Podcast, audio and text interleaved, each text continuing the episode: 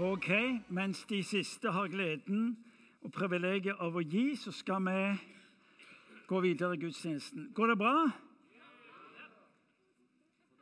Er dere som ikke responderer, dere kjenner bestemt dere for om det går bra? Ja, jo, ja, osv. Til deg som er her for første gang, eller der omkring, jeg heter Martin Cave og har gleden av å være en del av pastorteamet i min kirke, så um, Dette blir bra. Jeg kjente når jeg forberedte, tenkte jeg ja, Gud vil berøre mitt liv og andres liv. Vi får lov til, som han sa, um, være i en prosess denne, disse siste tre ukene på rett og slett å bli en del av noe Gud holder på med. Og Det interessante er at han velger å ta utgangspunkt i noe han selv har forberedt, nemlig deg og meg. Han velger å ta utgangspunkt i noe han har velsigna, nemlig deg og meg. Når han skal gjøre noe i denne verden, så har han altså valgt å la utgangspunktet være deg og meg. Eh, hvorfor denne utfordringen? Jo, hør nå. Fordi at menighetens oppgave er nettopp å hjelpe deg og meg til å leve ut det Gud har eh, tenkt for denne verden. En gang til. Menigheten har som oppgave å disippelgjøre etter det, eller hjelpe deg og meg til å leve ut det Gud har bestemt for denne verden. Så når Gud, du og meg ber om at Gud skal la sitt rike gå fram mellom oss, så vil han spørre er du med til å bli med på det jeg holder på med, gjennom deg. Vær med på det Gud gjør. Så enkelt. Eh, på et vis så er det fantastisk som menighet å få lov til å ha dette fokuset. På den ene sida hjelpe mennesker til å være tro mot det Gud har for dem, og på den andre sida være med og bidra til noe som forvandler og forandre denne verden. Det er perspektivet med å skulle være menighet i denne. Hva i all verden gjør du og meg i denne verden?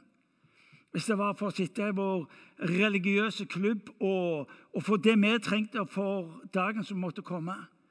Nei, vet du hva? Guds ambisjoner for å holde deg og meg på denne kloden ennå er jo nettopp å bety denne forskjellen. Er du med? Ja. Det er de samme fire hver gang, sier Men det, det, kan, det kan utvikle seg. Temaet er all in. Og vi har fått lov til å ha en fokus på all in, hvor du og meg utfordrer. All in bærer med seg denne forståelsen av at det jeg Jeg investerer med det jeg har. Jeg velger å gi alt jeg har for en bestemt sak, fordi jeg har tro på den. Det er noe som jeg forholder meg til på en slik måte. Det har mitt fokus, og så har det dette. Dette skal bety en forskjell.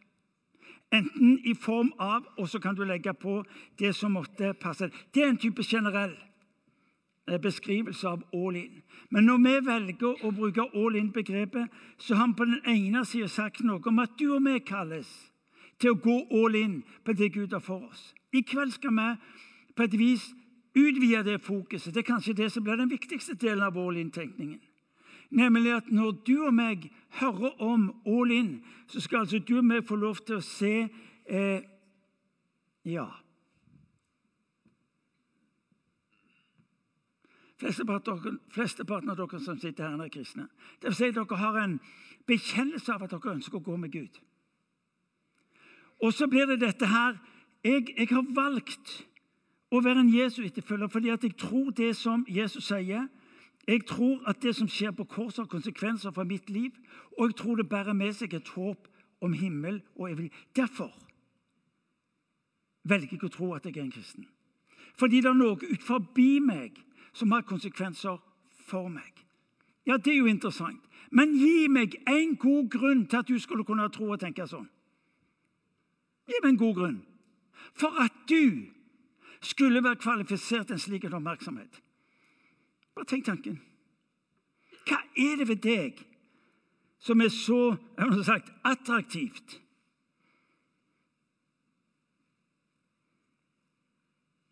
At du skulle være kvalifisert. Tenk på det.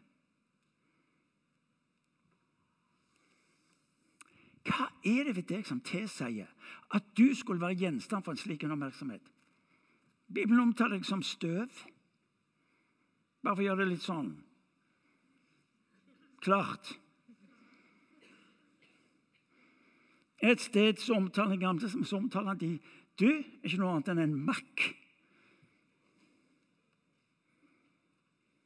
Altså Noe av utfordringen for en menighet som dette, som har type forståelse av tro og etterfølgelse, kan veldig lett sånn oppleve at, eh, at Gud er min pappa, jeg er hans sønner, og alt er sånn. Vi må ikke miste dimensjonen av Gud den allmektige dette. Det kan bli veldig lett sånn nærliggende å bli kameratslige med vår Herre.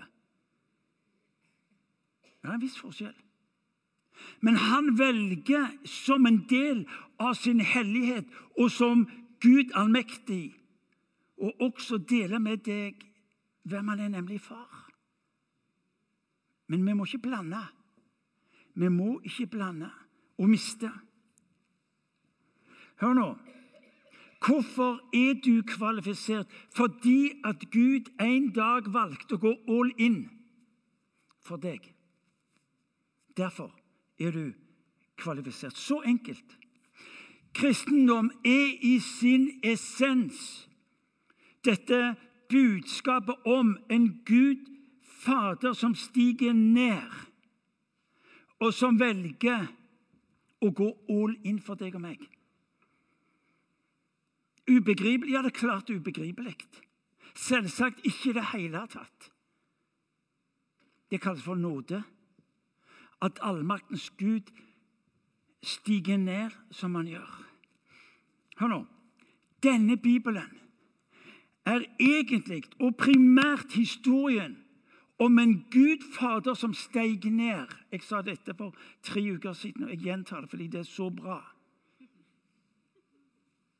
Dette er altså beskrivelsen, dette er historien om en far som steg ned, og som gjennom hele Bibelen vil du finne tråden av at han har ett mål.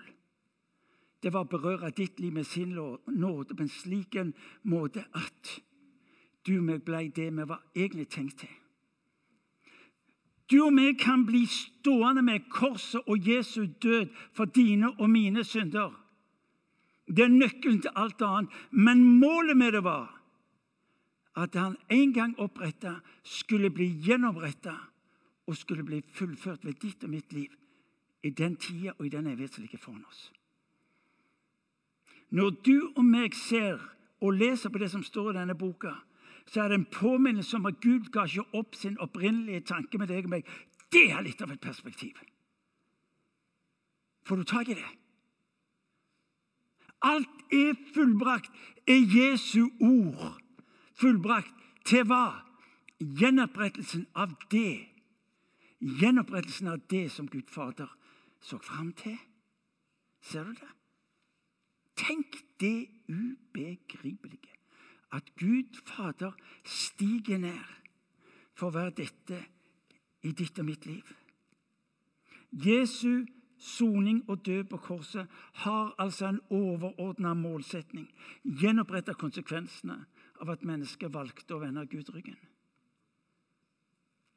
Derfor er det ikke mulig for noe menneske å definere seg ut forbi. Får du tak i det? Fordi det er en far som har lengta og sett fram til å kunne få lov til å gjenopprette det som ble ødelagt. Det er ingenting ved deg som er i stand til Er du med? Uansett hva historien din er, uansett hva du har gjort. For hans kjærlighet til deg og til meg er nettopp slik at han ikke teller og regner med fortid. All in! For så høyt har Far elska deg og meg at han gikk all in. Han gikk all in for deg og meg. Og Det blir så lett for oss litt sånn generelt, for så høyt og Gud elsker. Han gikk all in. På korset ser du prisen. En ubegripelig pris.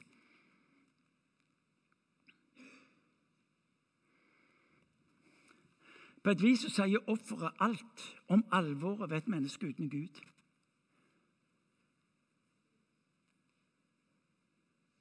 Ja, Var det nødvendig? Jeg skjønner spørsmålet, men jeg, svaret blir umulig. Men det du kan konkludere med, det er at når Gud Fader gir all in, så aner du noe av alvoret. med at Jesus dør på korset. Og det er mye der jeg ikke forstår, men én ting aner det meg. Det er det alvoret.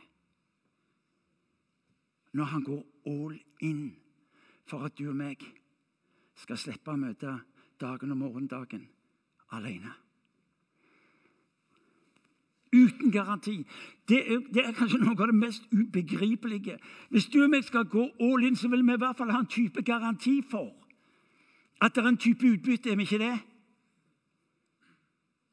Og så demonstrerer denne vår far å gå inn i noe hvor han ikke sikrer utbytte i det hele tatt. Kjærligheten søker ikke sitt eget. Jeg elsker fordi jeg elsker. Det er det han sier til oss. Ja, men Gud, hvis Ja, uansett ditt hvis. Jeg elsker fordi jeg elsker. Ja, Betyr det at det, Ja, jeg dør på et kors. Ikke primært fordi jeg skal få et utbytte ved at mennesker følger meg. Jeg dør på et kors fordi at mennesker skal vite at så høyt elsker jeg. All in. Du og meg tilber en Gud som går all in for deg og for meg. Det er kristendommens ubeskrivelighet og uforståelighet. Men dør man for en nåde og får lov til å vite at jeg er gjenstand for det?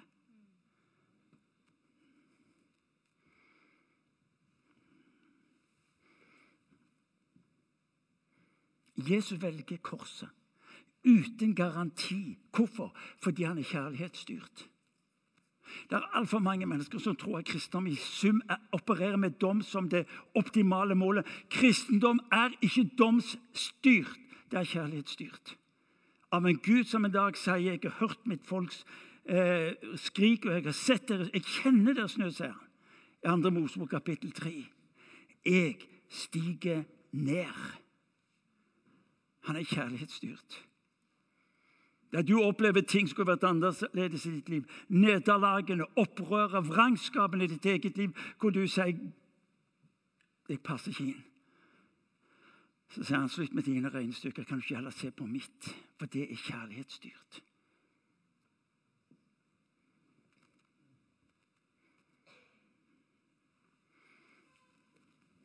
Tenk deg det.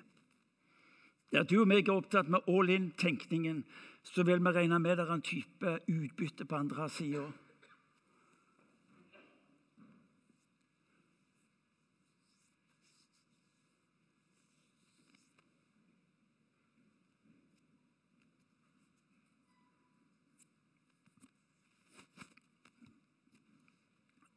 Ta med den òg.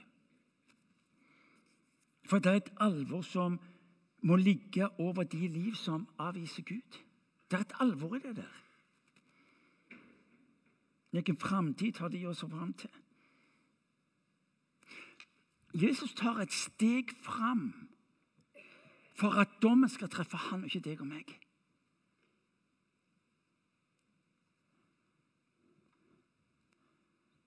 Hadde det nå ennå vært for de som fortjente det, hadde det gitt mening. De som sto opp og fighta for rettferdigheten og, og var de som representerer det gode. Men her står han jo opp, her står han framfor og tar den straffen som folk egentlig fortjener. Og sier 'Jeg tar det'. Det der, Jeg har sagt det mange ganger, og jeg sier det igjen. Jeg tror jeg har vært med på alt bortsett fra å se mennesker bli vektere for de døde. Jeg kan drømme om å se det. Men nå skal du høre. Det som gjør det sterkeste inntrykk inntrykk på meg med å være en Jesus etterfølger, det er at han ikke vender meg ryggen. Det er at han aldri sier nok er nok. Nå har du fått nok sjanser. Han evner ikke Hans egenskaper evner ikke å vende ryggen.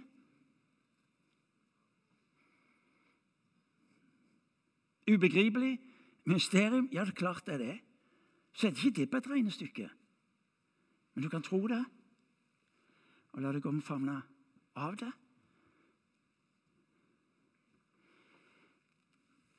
Jesus tar et steg fram for dom ikke skal ramme deg. Hør nå. Gud dømmer ingen til evig fortapelse. Det velger vi sjøl ved å avvise nettopp hans ubegripelige kjærlighet. Hans ord til mennesket ikke går den veien, for den fører til fortapelsen. Kan du ikke heller høre hva jeg sier deg, og hva jeg gjør i livet ditt? slik, Og så vender folkene ryggen.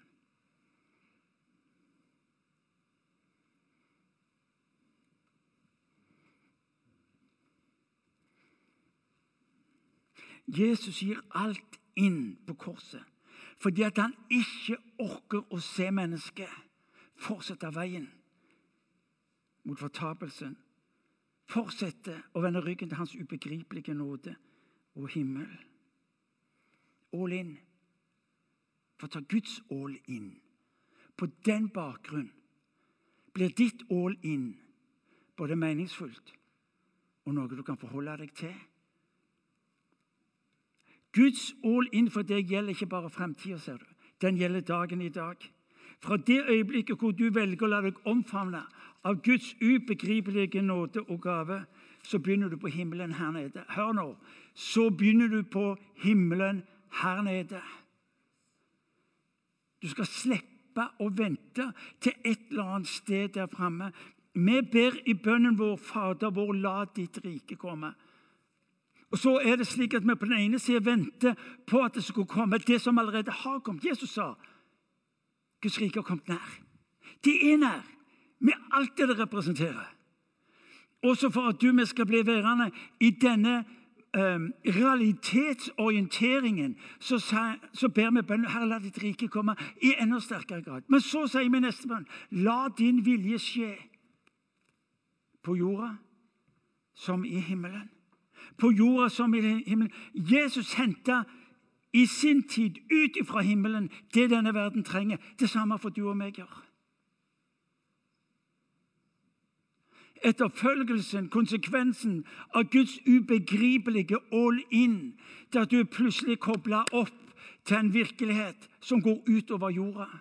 Hva vil du la vil du la himmelens virkelighet ha konsekvenser for vår vandring på denne jorda? Hva betyr det? Jo, det betyr at jeg skal få lov til å leve som han. Handle som han. Representere den samme muligheten inn i denne verden som han. Vær med på det han gjør. Ha tilgang til himmelens ressurser. Det er det som er etterfølgelsens innhold. Det er ikke primært å være en eller annen religiøs utgave av arten. Men det å være med på det han gjør inni denne verden Henge med Gud, sier de unge. After church, holdt jeg nesten på å si. Men det det kokes ned til, er jo relasjon. Relasjon med Han som Irene sa Du gjentar i hvert fall det du vil ha fram. Det er klart jeg gjør det. Jeg er lærer av utdannelse. Ikke av utrustning, men av utdannelse. Der hørte jeg at Noe av det viktigste en lærer gjorde, det var å repetere. For det du repeterer mange nok ganger, det sitter. Jesus gjør akkurat det samme i bergpreka. Salige er de, sier han jo for, hver, for hver setning. Har du lagt merke til det? Salige er de. Fattige i for de. Salige er de. Skaper fred, salig. Det er jo akkurat det samme. Ja, jeg prøver bare å si litt om hva jeg føler etter. Som han i denne verden, er vi i denne verden, sier Johannes i 1. Johannes brev. Som han er denne er vi i denne verden. Heidi Baker sier at ditt ansikt er Jesu ansikt i denne verden. Så sørg for Guds skyld at det ligner han står. ved at han får lov til å ta bolig i ditt liv på en slik måte at det bare tyter ut.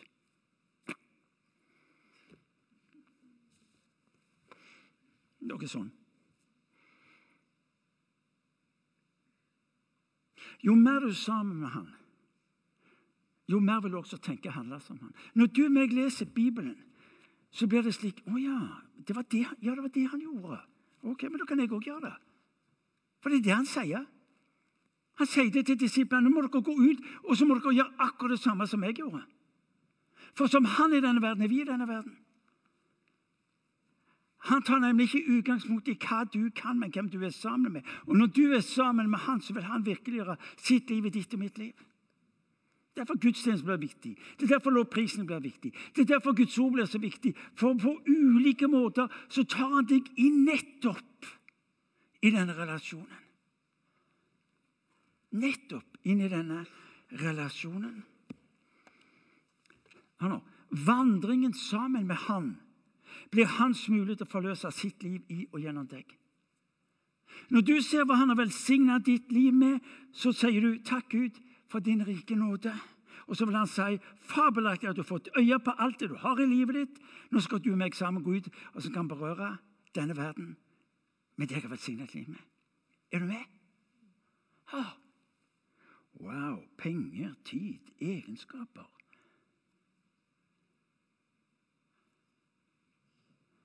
Ja. Bygge karakter. Velsignelse for andre. Hør nå, alle vi som sitter i dette rommet, vi er ubegripelig velsigna. Vi er ubegripelig rike. Enig? Jeg vet at vi gysla lett fokuserer på alle utfordringer problemer og penger og osv. Men hør nå, noen av dere har hørt meg si det. Resten av verden ville elske å ha dine problemer.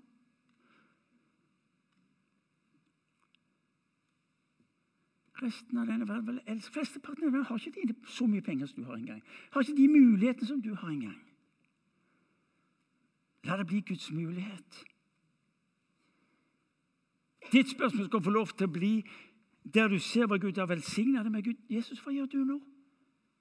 Tida mi, pengene, ressursene, evnene. Jesus, hva gjør du nå?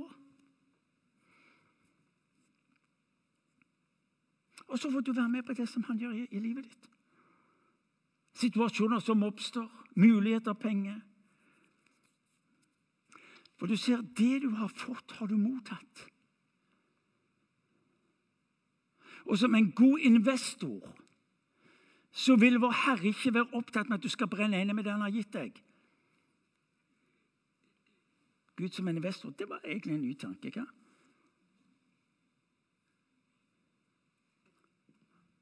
Det står i uh, første krønikebok, kapittel 29, vers 12-14. Skal vi få opp teksten? Rikdom og ære kommer fra deg, og du rår over alle ting. I din hånd er kraft og styrke. Du har i din makt å gjøre alt stort og sterkt. Og nå, vår Gud, takker vi deg og lovsynger ditt herlige navn. For hvem er jeg, og hvem er mitt folk? Skulle vi være i stand til å gi slike frivillige gaver? Og så neste vers. Nei, alt kommer fra deg. Det vi gir, kommer fra din hånd. Så Hvis du tror at du er sjenerøs fordi at du gir, så er det ikke helt misforstått. Du gir bare videre noe du har fått. Det er interessant. Du gir bare videre det du har fått. Tida di, de evnene dine produserer Du gir bare videre det du har fått. Dette er interessant. Hør nå. Det blir jo fryktelig trasig når du og vi kommer hjem til himmelen, og han spør hva gjorde du med det jeg ga deg, og du sier vel, jeg brukte mesteparten på meg sjøl. Det er feil svar. Til de grader feil svar. Hva gjorde du med det som jeg ga deg? Jo, jeg brukte mesteparten på meg sjøl.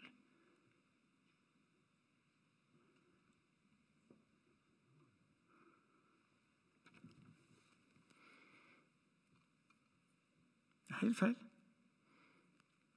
Hvorfor dette fokuset med all in fra menigheten? Jo, fordi vi ønsker så inderlig at du skal få hjelp. Den hjelpen du trenger til at livet kan bli en velsignelse. Og Da tar Gud utgangspunkt i hva han har gitt deg.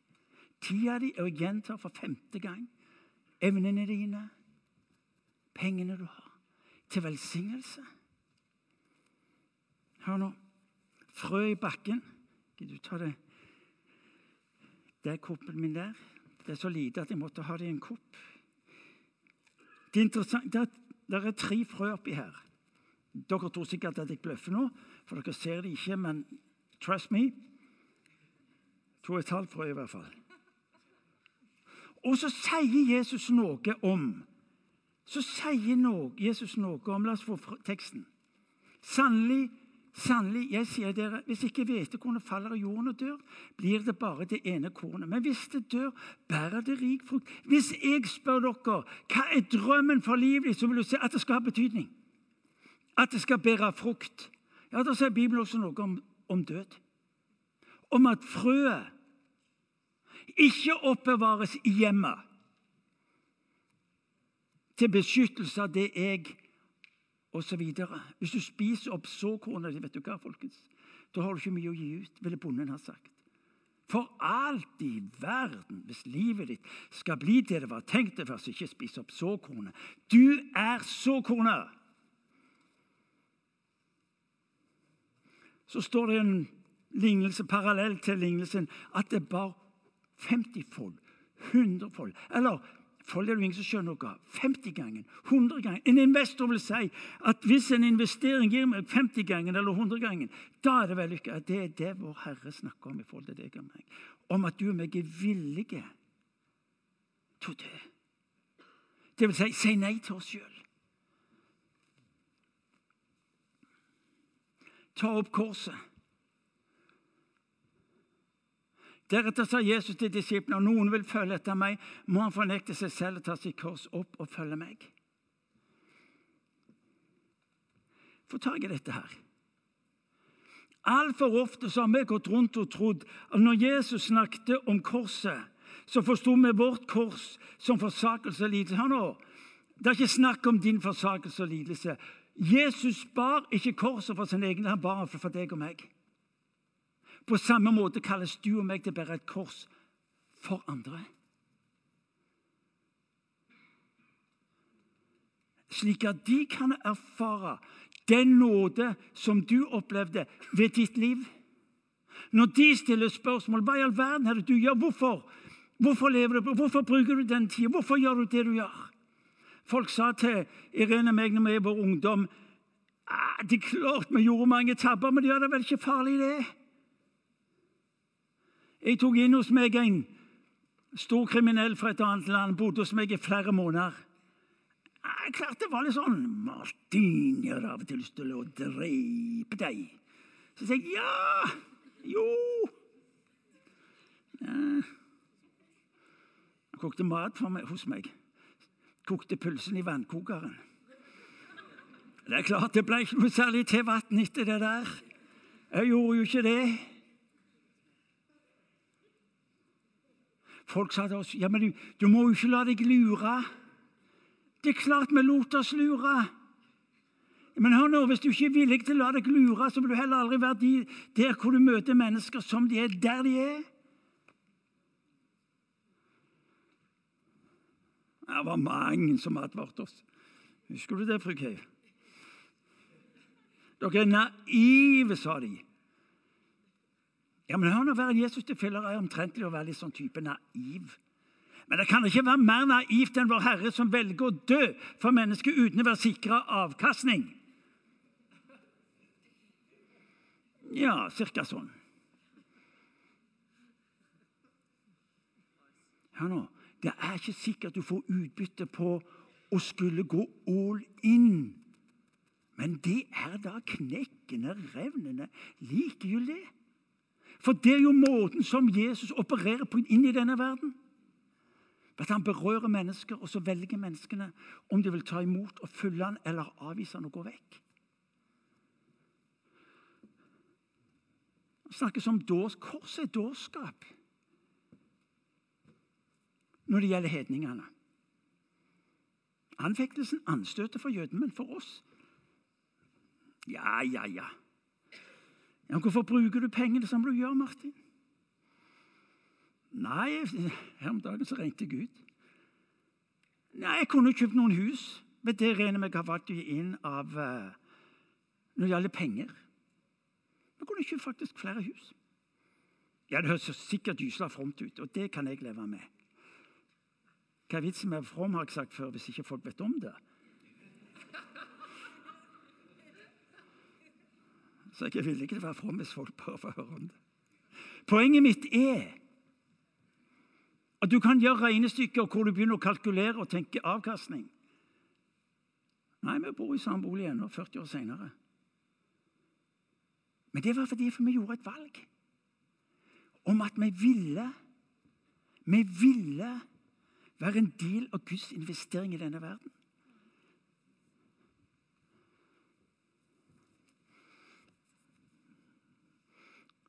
Anlegg noen sjokolade.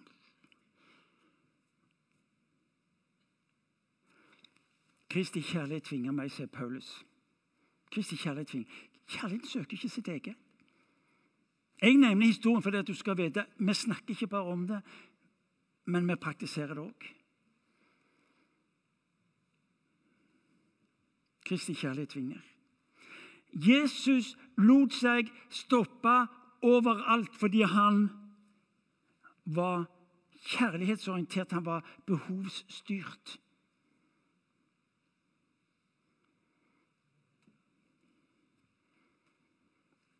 Og så forløste han sin velsignelse over de der de var. Så har Gud velsigna deg med ressurser i form av evner, tid, penger, men også de gavene han gir deg.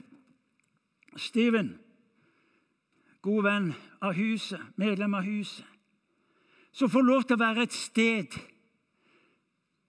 i Norge, på, på Sørlandet, sist helg. og så og så er han tro, og så er han lydig mot det Gud gir han, og så, og så sender denne mannen, som Steven, som sitter der og Så forteller denne mannen du, det var, det var en sånn nederlender hos dere. Han, og så forteller han om hvordan Gud ga han et ord som var rett inn i hans livssituasjon. Han sa du, skulle ikke, du aner ikke hva det betydde for meg, Martin. Og Der sitter du med dine gaver som Gud har velsignet deg med. Det betyr denne forskjellen behovsorientert holdning. Hva kan jeg få gi ut i dag? Hvem kan jeg få gi det til i dag? Dette å tjene med alt Gud har gitt meg, ikke som krav, men som glede. Det er interessant at når Bibelen opererer med å gi, så opereres den med glede. Hvis du ikke gir det med glede, så ikke gjør det. Kirkas viktigste berøringspunkt er jo nettopp godhet. Hvorfor i all verden er det det motsatte folk i stor grad har oppdaget for oss som er kristne? Hvorfor er det det?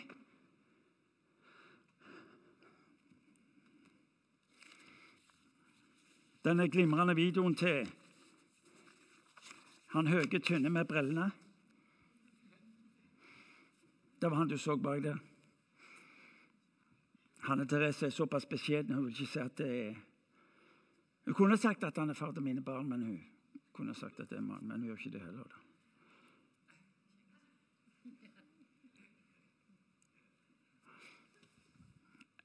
Geir nevnte på video noe om tiende. Ja, Det er da ikke slik å forstå at du gir Vår Herre 10% og så beholder du 90 langt ifra. 10% er uttrykk for Gud at alt det karet, din resterende 90% også dine, men jeg skal forvalte dem på en måte som gir ditt navn ære, og det tjener mennesket. En gang til. Når du er opptatt med og tror at Vår Herre er tilfreds med din måte å forvalte på, nemlig at du gir 10 til Han, sier Gud, når du har fått ditt Hør da, For det første så er tiden ikke målet. Det er begynnelsen. Bare orientering. En gang til. Ja, kom an. Men det det egentlig sier, det er Herre. Og ved dette vil jeg du skal vite.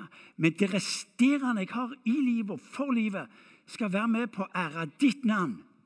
Og så skal det tjene de menneskene i denne verden som jeg har rundt meg.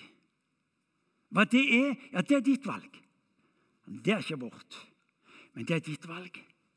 Og det andre er av dette regelmessige som fulgte gudstroen til Guds folk, som du leser om gjennom Gamletestamentet. Så leser du om de spontane kjærlighetsgavene. Det er det sånn, Han møtte noen her, og så, og så ga han ut det han hadde. Og Mange av dere som lever der, jeg vet dere lever der. Det var en jul for noen år tilbake. Jeg møtte plutselig nød, materiell nød i vårt eget land. Det var foreldre, og mange av dem var enslige mødre, som ikke hadde nesten flisa den berømte veggen. Det er et merkelig uttrykk. Men hun fortalte en av dem, vet du hva, Martin, jeg, jeg syns jul er vanskelig, for jeg har ikke penger til gaver. Og Så møtte jeg flere av disse her, og så tenkte jeg ja, men det kan da ikke være sånn. De fleste partene hadde ingenting med huset vårt å gjøre. Så tenkte jeg, Gud, hva gjør jeg med dette? Jo, så sender jeg en mail til en åtte-ti stykker, nei, syv-åtte stykker, tror jeg. Og så sier jeg, vet du hva, jeg møter en nød som ikke kan gå forbi. Vi kan ikke lukke øynene for han. Og så sier jeg, kan jeg få hver av dere de 10 000 kroner? Så har vi noe av det vi trenger for å bety denne forskjellen. Punktum. Men bare for å gjøre det klart jeg har lagt de første 10 000 i korga. Alle sa ja. Alle sa ja, for jeg tror det ligger dypt i oss å bety en forskjell når vi møter nøden. Og så får vi den konkrete utfordringen på det. Tiende, det faste, kjærlighetsgaven, det spontane. Det som du møter på ulike måter. Jeg skal slutte. Begynne å slutte, heter det forresten i vårt hus.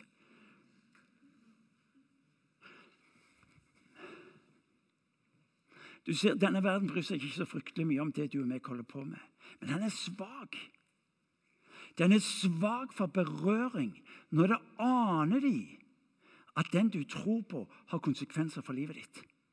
Det er det sterkeste.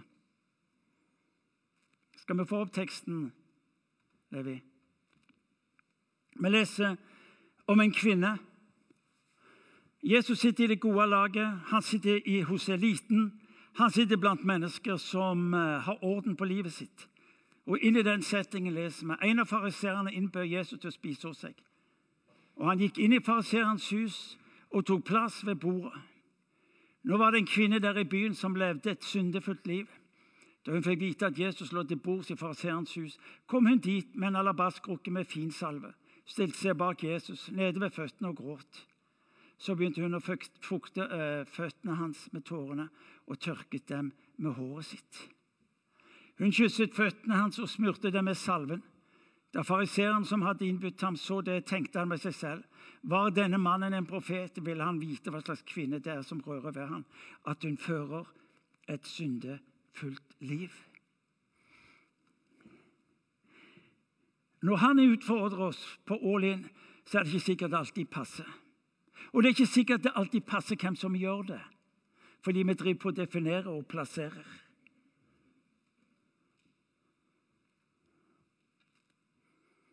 Alt talte imot henne. Blant fariseerne, blant de som hadde orden på livet, oversikten på gudstroen, er det ei dame som omtales som hadde et syndefullt liv. Skal jeg se dere noe? Dette er, en av, dette er en av de vakreste beretningene jeg leser om i Skriften. Ikke primært hvem denne kvinnen var, men hva det skapte. Hva hennes utgangspunkt var, definerte henne ikke, fordi hun hadde fått et fokus. Og For denne kvinnen var det plutselig ikke lenger hva omgivelsene måtte mene, men hvem hun sjøl ønska å få lov til å være hos. All in var det som det kom. Hun ga all in på det hun ville gi ham. Har et fokus, nemlig Jesus. Og så står det at Lukta det I en parallelltekst så står det Johannes evangel kapittel 12, så står det at lukta fylte hele huset. Det er noe ubeskrivelig vakkert. For du ser hennes hennes uttrykk for kjærlighet og takknemlighet fører til at de som er i dette rommet, preges av det hun gjorde. Når disse folka som satt i det rommet, kom hjem, så vil omgivelsene spørre hvor har du vært henne? Da lukter av deg. Gid å kunne lukte av oss. Ved det vi valgte å gi all inn i.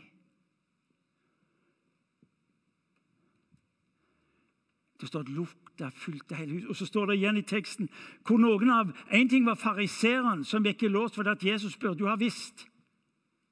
Men det andre er jo at i Johannes 12-teksten så leser du at, at Folk fra teamet hans reagerte.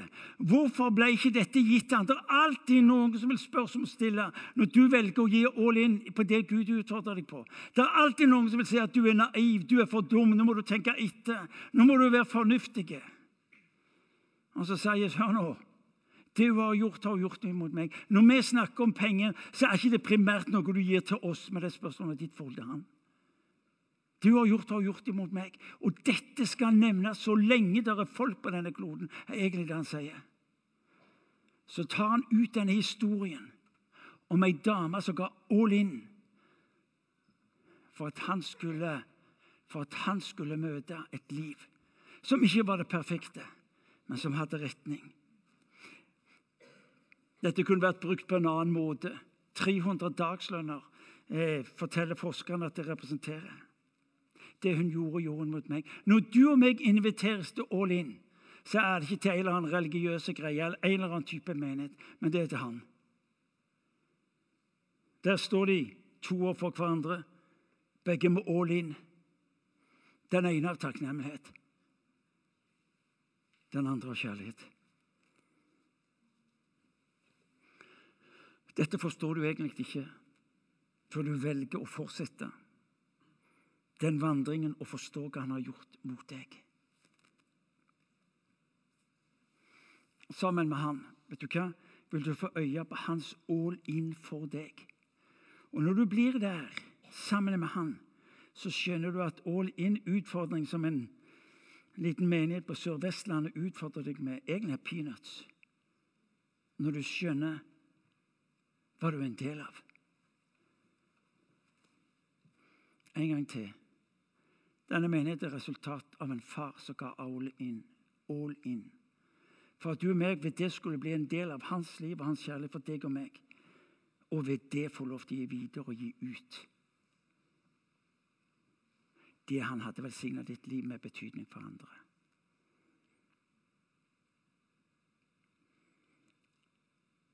Amen. Skal vi reise oss, så skal du få lov til å være med i en bønn.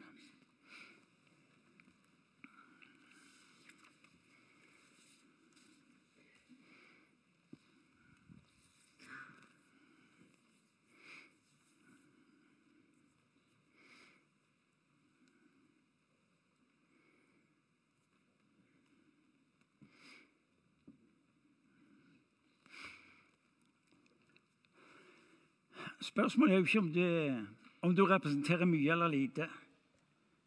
Bibelen forteller om ei enke som ga to skjerver, eller to Og løfte henne opp og anerkjenne. Spørsmålet ikke om, om hvor mye du har. Spørsmålet er bare hva gjør du med det du har. Velsignelsens omfang tar ikke utgangspunkt i volumet på det du gir, men at du vil gi all når han inviterer deg til å bli en del av hans liv i denne verden.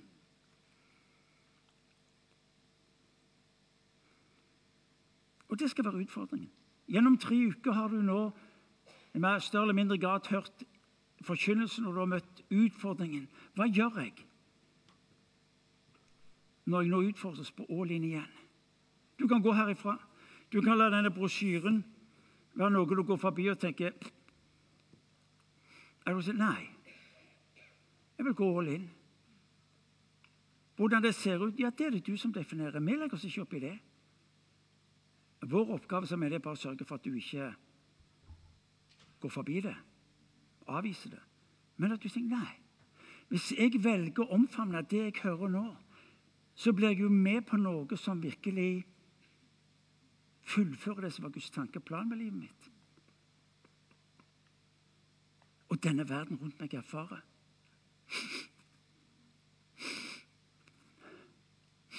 Det lukter. Det lukter av denne salven.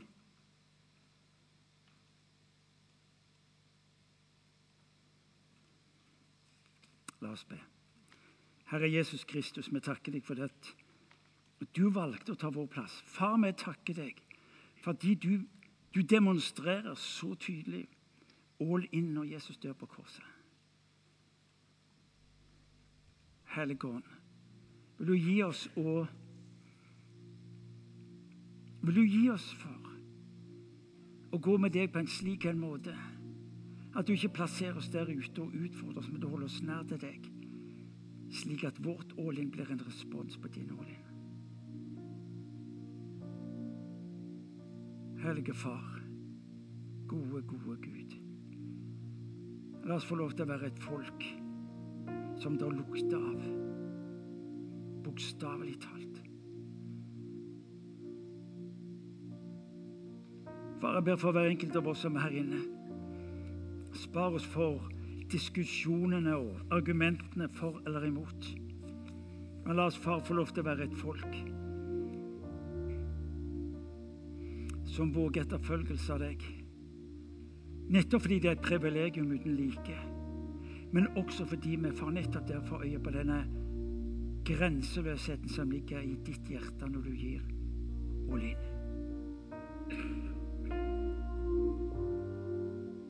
Hellige Far, gode Gud. Vi tilber deg opphøyet ditt navn. Vi ber om at vi som menighet skulle få lov til å være nettopp et uttrykk for denne din rike nåde. På en slik måte at denne verden ser, våger å tro og ta imot. For vi ber om det i ditt navn.